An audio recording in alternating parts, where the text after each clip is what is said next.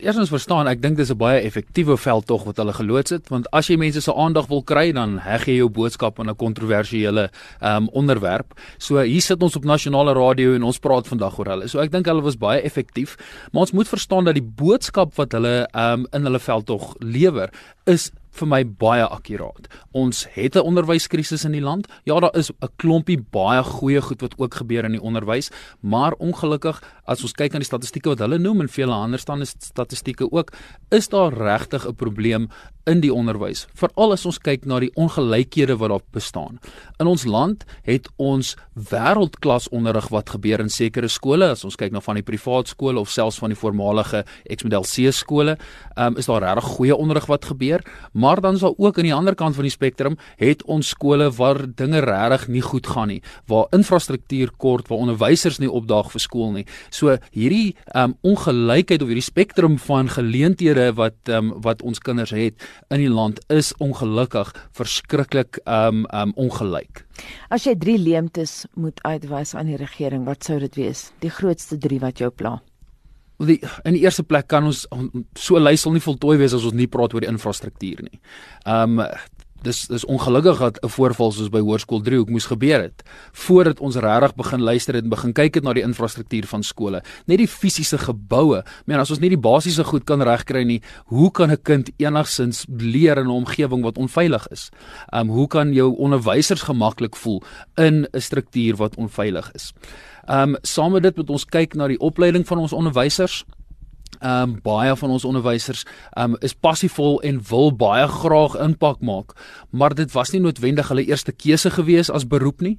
Ehm um, en uh daarom is vele van hulle ehm um, ek wil nie sê onderop opgelei nie, maar daar is leemtes in baie van ons onderwysers se se content knowledge. As hulle nie die inhoud verstaan nie, is dit verskriklik moeilik om pedagogie te gebruik om hierdie inhoud weer te gee. Um en ek dink dan moet ons kyk na 'n baie groter makro prentjie en die samewerking en die ondersteuning van die um van die gemeenskap in geheel. As daar nie 'n verhouding bestaan tussen die onderwyser, die leerder en die ouer nie, dan raak dit baie moeilik om kinders op te voed, om kinders enige konsepte te leer. Uh, in my opinie so vinnig sou ek reken daai is 3 van die hoofredes of van die 3 van die hooffaktore wat ek dink bydra tot die krisis in die onderwys. Maar hierdie probleme is voortsleepend. Is daar die politieke wil om dinge te verander? Ons praat nou al jare oor die gebrek aan dissipline by onderwysers. Ek het met jou kollega professor Saartjie eh, Gravity oor gepraat. Hierdie probleme gaan net aan, dit duur net voort. Hoekom? Wel of daar politieke wil is, gaan ek nie noodwendig kan sê nie, maar ons sien nie daai politieke wil noodwendig 'n uh, effek hê op uh voetsoolvlak nie. Daar is ehm um, daar daar is 'n klompie probleme. Daar is 'n uh, verskriklike uitdagings. Dit is nie 'n maklike uitdaging om op te los nie. Dit is verskriklik kompleks. Maar hoe ek reken ons gaan moet op verskillende gebiede, nie net van die staat se kant af nie, maar elkeen van ons 'n bydrae moet lewer om die verskil te maak.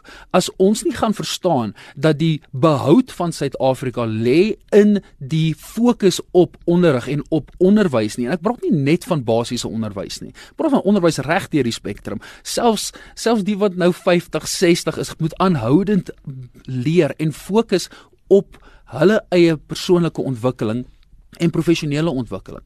As ons as 'n samelewing nie gaan verstaan dat die onderwys die behoud van hierdie land is nie, gaan dinge nie vinnig verander nie. Ons het nou verwys na professor Saartjie Gravett, jou kollega by die Universiteit van Johannesburg. Saartjie sê altyd daar's baie te leer by die Finne. Nou ek weet toevallig jy was in April in Finland. Wat kan ons leer by hoe Finne die dinge aanpak?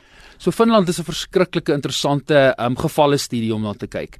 Um ons moet verstaan dat ons kan gaan leer by ons kollegas uh, in ander lande, maar onthou ons het ons eie unieke konteks en ons eie spesifieke omstandighede waarin ons leef. Wat die vinne reg gekry het, 40 jaar gelede was hulle nie op die voorgrond uh, gewees in die onderwys nie. Hulle het agtergekom, hulle is besig om te veragter teenoor die ander Europese lande en hulle het saam besluit polities en as 'n samelewing het hulle besluit om onderwys die basis van hulle gemeenskap en van hulle land te maak. Alles in Finland word gebaseer op die onderwys.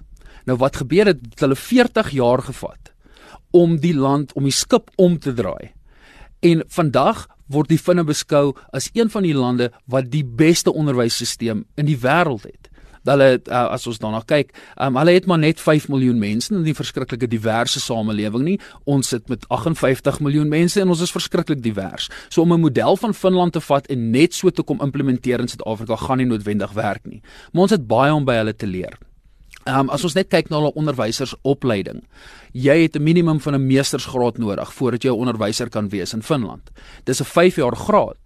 Ehm um, maar jy kan nie 'n onderwyser in 'n klaskamer wees as jy nie 'n kwalifikasie tot op daai vlak het nie. In Suid-Afrika is dit nie die geval nie. Ehm um, as ons verder kyk na die Finse onderwysstelsel, hulle het een van die mees effektiefste skooldae, baie korter skooldae. Ehm um, maar daar word baie meer gefokus op speel, daar word baie gerus. Ehm um, as ons kyk na pauses, daar's baie meer pauses as wat ons het. Die kinders, ek weet daar word gewoonlik gesê dat hulle nie huiswerk kry nie, maar dis nie noodwendig die waarheid nie. Die ehm um, ek wil amper sê die die konsep van leer of die waarde van leer is geïntegreer in 'n volledige dag. Daar is nie 'n ding soos ons gaan nou skool toe en nou gaan ons net by die skool leer en nou gaan ons huis toe en nou is ons by die huis en nou doen ons iets anders nie. Om te leer is deel van die finne se se amper sê van hulle gene. Mm -hmm. Kom ons gaan terug na iets anders toe. Ons het geweldige probleme in hierdie land met uh, wiskunde. Nou ek weet 'n Wêreldbank verslag het nou uitgewys dat arm kinders uh, selfs in ontwikkelde lande sukkel om die mas op te kom met lees, spel en somme, maar daai somme doen dis vir ons 'n moeilike storie in Suid-Afrika lyk like dit my oor die jare nou al. Kyk, wiskunde bly maar daai een vak waar ons almal bietjie um um hoendervleis kry as ons net daaraan moet dink. Ek het eh, 'n uh, voormalige kollega gehad wat sê sy dink aan wiskunde en word die pap dik in sy mond. Maar um wat ek wat ek wil noem vir jou dat as ons praat van um armoede dan speel dit 'n geweldige rol op hoe kinders leer om te lees en te spel en oor die algemeen. Ons het hierdie sê ding wat sê 'n 'n kind moet eers kan Maslow voordat hy kan bloem. As ons na hierdie twee hiërargie uh, um uh, uh, hierarchies kyk, sal ons sien dat Maslow is 'n hiërargie van behoeftes. Bloom is 'n hiërargie van kognitiewe vaardighede by Maslow verstaan ons dat is die basiese dinge soos uh fisiologiese behoeftes en veiligheid. As daar nie daar nie aan daai behoeftes voorsien word nie gaan dit verskriklik moeilik gaan om te probeer leer in ons land met uh, die ongelykhede wat bestaan en met uh, die sosio-ekonomiese toestand in die land is daar verskriklik baie kinders wat ehm um, geaffekteer word deur armoede.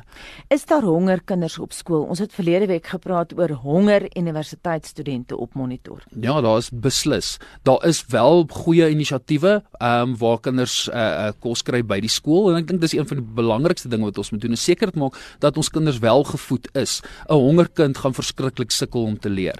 Daar is wel nog steeds leerders in ons land wat nie kos het nie en um, met wie dit nie noodwendig goed gaan nie. Um en hierdie tipe alledaagse um ek wil amper sê 'n uh, veg vir oorlewing is vir hulle belangriker as om noodwendig somme te leer of om te leer lees. Sou jy sê dis belangrik om die begroting van die onderwys uh, in Suid-Afrika, die departement van onderwys se begroting te vergroot of gaan dit oor hoe die geld aangewend word? dit sal natuurlik lekker wees as die uh, as die gedeelte van die van die paai groter gemaak kan word vir die onderwys maar op die einde van die dag om net geld na 'n probleem se kant toe te gooi gaan dit nie noodwendig oplos nie. Die ander vraag wat ons vra waar gaan hierdie geld vandaan kom? Um in 'n ekonomie wat nie noodwendig goed uh, goed groei nie, waar gaan ons hierdie befondsing kry? Dit gaan baie meer oor die effektiewe um aanwending van die van die fondse. Fransonet 'n vinnige 'n laaste vraag as jy nou vir die regering moet sê wat hulle moet verander. Sou jy die kurrikulum aanvul? Ons het gister gepraat oor, jy weet, ons gaan die toekoms in. Daar gaan ander soort van vakke wees. Ons gaan 'n ander lewe lei in 50 jaar se tyd. Moet ons ander soort vakke begin aanbied? Kyk, ek dink nie ons um, moet so ver in die toekoms dink nie. Ek dink die wêreld gaan anders lyk oor 5 jaar. Die wêreld gaan anders lyk oor 10 jaar. Um Ons weet nie wat se beroepe gaan bestaan oor 10 jaar van nou nie. Ons um, leerders moet blootgestel word aan vaardighede wat hulle gaan toelaat om aan te kan pas by 'n ewige veranderende wêreld. So om om noodwendig vakke soos kodering of robotika in die skool um, te voeg kan goed wees. Ek sê nie moet dit nie doen nie. Dit gaan meer omtrent die integrasie van hierdie tipe tegnologie in die klaskamer. Baie dankie en so sê Dr. Frans van Nodee van die departement kinderonderrig aan die Universiteit van Johannesburg. Dit bring ons by 7:30.